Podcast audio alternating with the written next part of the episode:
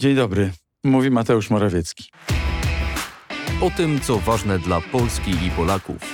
Specjalny podcast premiera Mateusza Morawieckiego. W każdy piątek. Polityka z pierwszej ręki. Witajcie w kolejnym odcinku mojego podcastu. Przyznam wam, że z tygodnia na tydzień lubię ten format coraz bardziej. Choć od razu przypominają mi się słowa profesora Bralczyka, że dobrze jest, kiedy przyjemność mówiącego nie przewyższa za bardzo przyjemności słuchającego. Dlatego nie przedłużając, dziś chciałbym krótko skomentować trzy sprawy. Po pierwsze, aktualną sytuację pandemiczną. COVID nas nie opuszcza i w związku z ogłoszeniem ostatnich obostrzeń chcę krótko powiedzieć w tej sprawie kilka słów od siebie.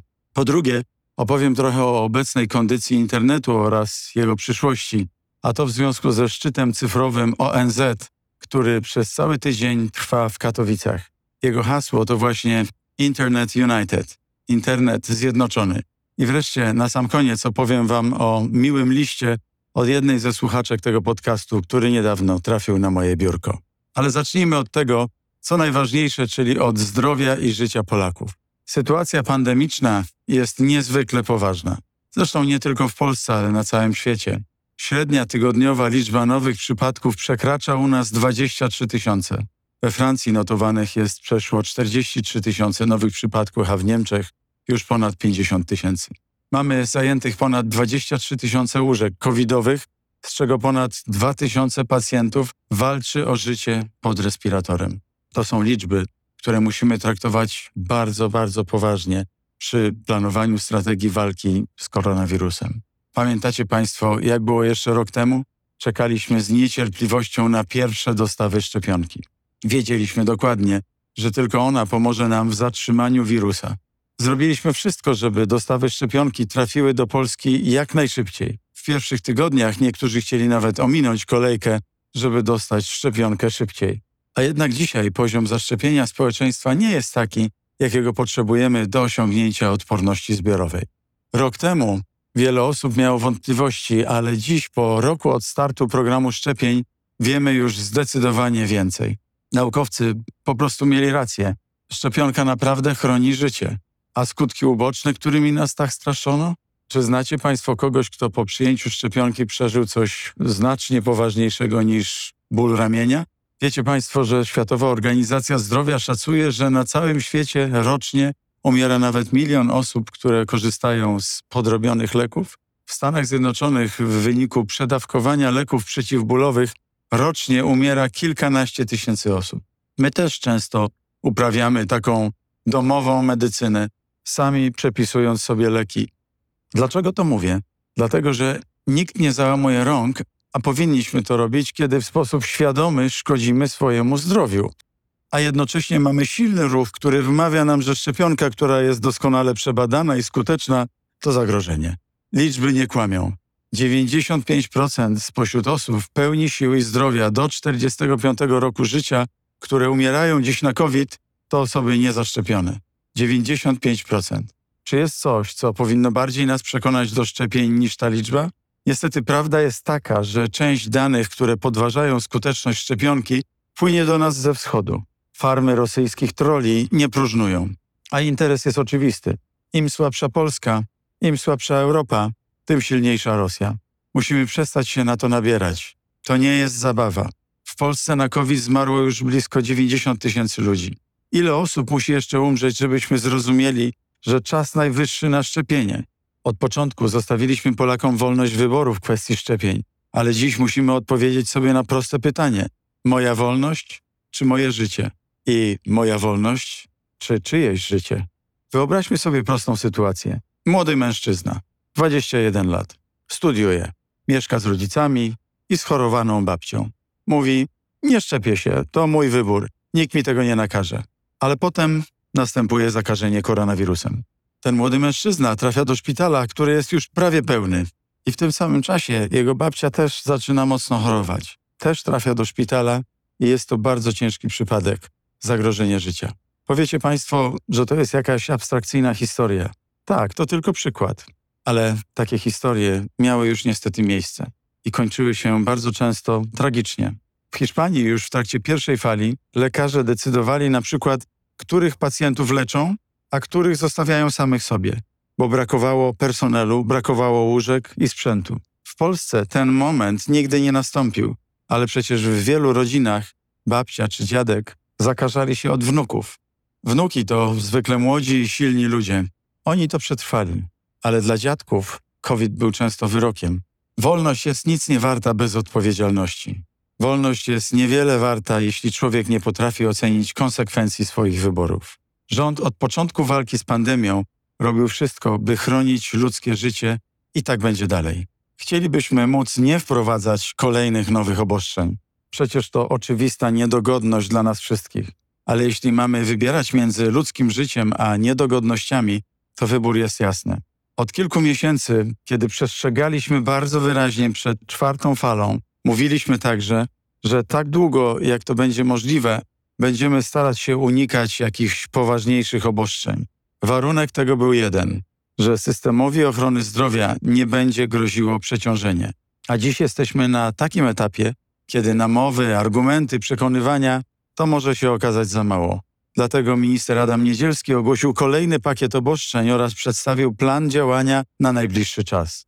Prawda jest jednak taka, że nawet najlepsze regulacje nie poskutkują, jeśli każdy z nas nie podejmie osobistej decyzji. Tak, chcę chronić siebie i swoich najbliższych. Chcę też chronić innych ludzi. Warto zachować w tej sytuacji zdrowy rozsądek. Kilka tygodni zwiększonej mobilizacji i obostrzeń to niezbyt wysoka cena za zdrowie i życie. Oczywiście jest lepsza droga, prosta i bezpieczna, dostępna dla każdego. Im więcej osób z nas się zaszczepi, tym obostrzenia będą mniej dotkliwe, a w końcu całkowicie znikną. Dlatego proszę, jeśli jeszcze się nie zaszczepiliście, zróbcie to. Jeśli znacie kogoś, kto tego nie zrobił, przekonajcie go, że warto.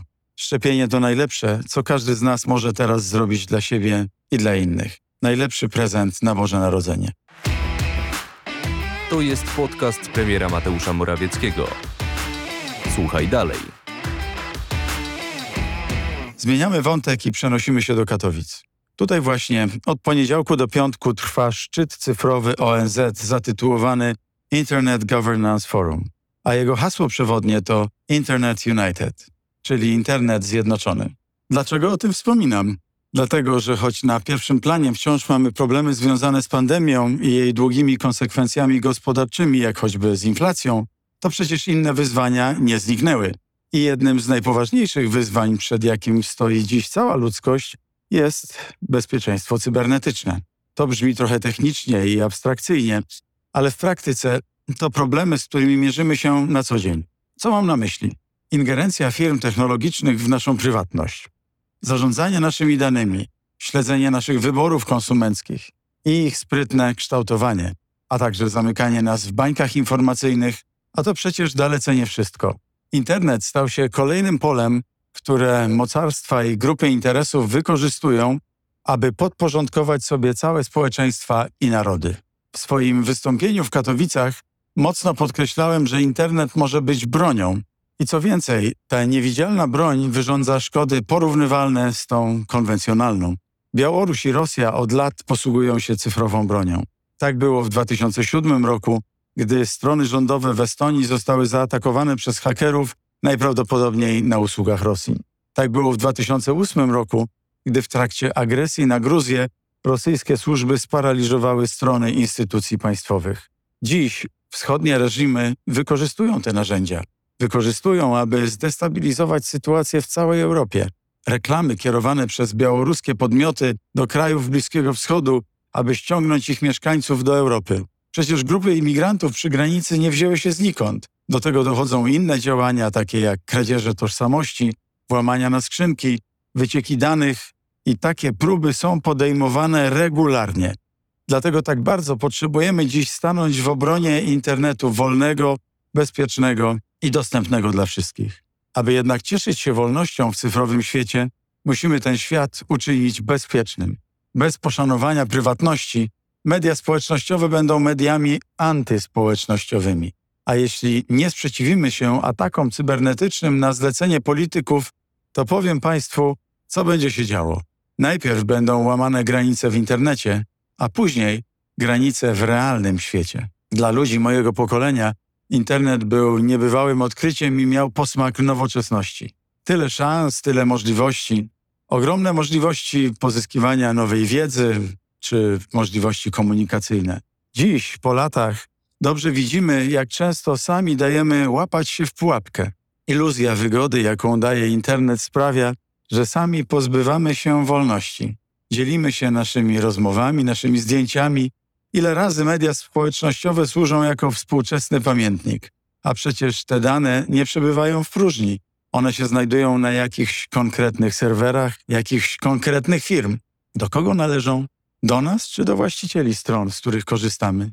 To trochę tak, jakby listy pisane przez naszych przodków były każdorazowo otwierane, kserowane i magazynowane w archiwach firmy kurierskiej. Wyobrażacie to sobie? Albo z innej strony, ile razy wchodząc na jakąś stronę internetową klikamy te rozmaite zgody? Często nie do końca wiemy, na co się godzimy. Proponuję taki eksperyment. Następnym razem, gdy będziecie wchodzić na jakąś stronę, zamiast od razu kliknąć zgodę, sprawdźcie proszę listę firm, którym pozwalacie zarządzać swoimi danymi. Gwarantuję Wam, będziecie zaskoczeni. Internet nie zna granic państw, ale powinien znać granice wolności i prywatności. Dlatego uważam, że jednym z największych obecnie wyzwań ludzkości jest przywrócenie podmiotowości człowieka w internecie. Uczynienie go na powrót podmiotem tworzącym sieć, a nie tylko jej użytkownikiem. Zdaję sobie sprawę, że to problem globalny. Dlatego narzędzia ochrony jednostek i państw muszą być wypracowane na wielu poziomach krajowym i międzynarodowym. ONZ stanowiła odpowiedź na niebezpieczeństwa XX wieku. Idea internetu zjednoczonego musi być odpowiedzią na niebezpieczeństwa XXI wieku.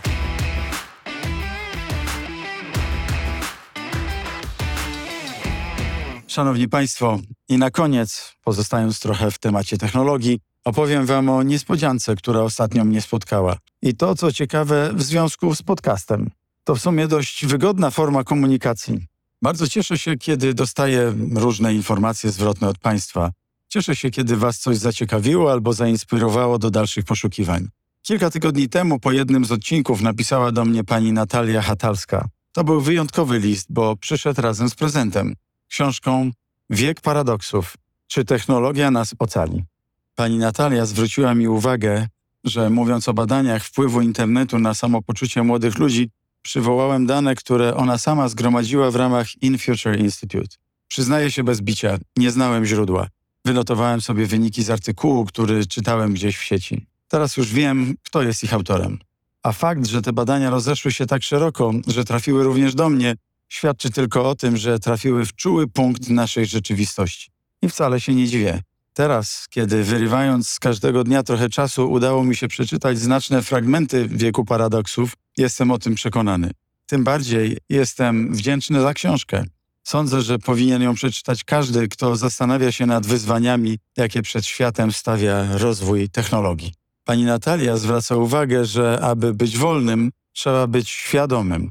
Musimy wiedzieć, co internet robi z nami naprawdę, jak algorytmy w mediach społecznościowych manipulują naszymi wyborami i jak ostatecznie ograniczają naszą wolność. Mówiąc inaczej, internet miał być dla ludzi, a dzieje się odwrotnie. Ludzie są dla internetu. Często stają się przedmiotami w grze wielkich korporacji. To a propos tej podmiotowości w internecie, o której przed chwilą mówiłem. Pół żartem, pół serio można powiedzieć, że zła wiadomość jest taka, że nie ma drogi powrotnej. Postęp technologiczny przyniósł nam tyle pożytku, że już chyba nie jesteśmy w stanie bez niego funkcjonować. Zwłaszcza teraz, w czasie pandemii, ale nie możemy patrzeć tylko na awers tej monety, ale dostrzegać też jej rewers i nie dać się od technologii czy internetu uzależnić w pełni. Za kilkanaście dni do kin wchodzi kolejna część filmu Matrix. Pamiętam, że 20 lat temu pierwsza część wzbudziła ogromną sensację. Ten film niepokoił, dawał do myślenia. A co jeśli żyjemy tylko w iluzji stworzonej przez inteligentne maszyny? Ja w to nie wierzę. To jednak daje do myślenia. Dla mnie jedno jest pewne. Nowe technologie wszystkich nas powinny skłonić do namysłu nad tym, jak z nich korzystać, co z nami robią i na ile możemy im na to pozwolić. Pewnych decyzji nie podejmie za nas sztuczna inteligencja. Decyzje dotyczące naszej wolności i przyszłości musimy podjąć sami, a książka pani Natalii na pewno pomaga zrozumieć, na co musimy zwracać uwagę. Szanowni i drodzy Państwo, Na dziś to byłoby tyle. Wspomniałem przed chwilą o prezencie pod choinkę i pewnie chciałbym, aby jeden z grudniowych odcinków miał trochę bardziej świąteczny charakter. Zobaczymy, czy trudna sytuacja epidemiczna na to pozwoli. Przyznam jednak, że w odcinku świątecznym chciałbym pomówić o rzeczach mniej zobowiązujących.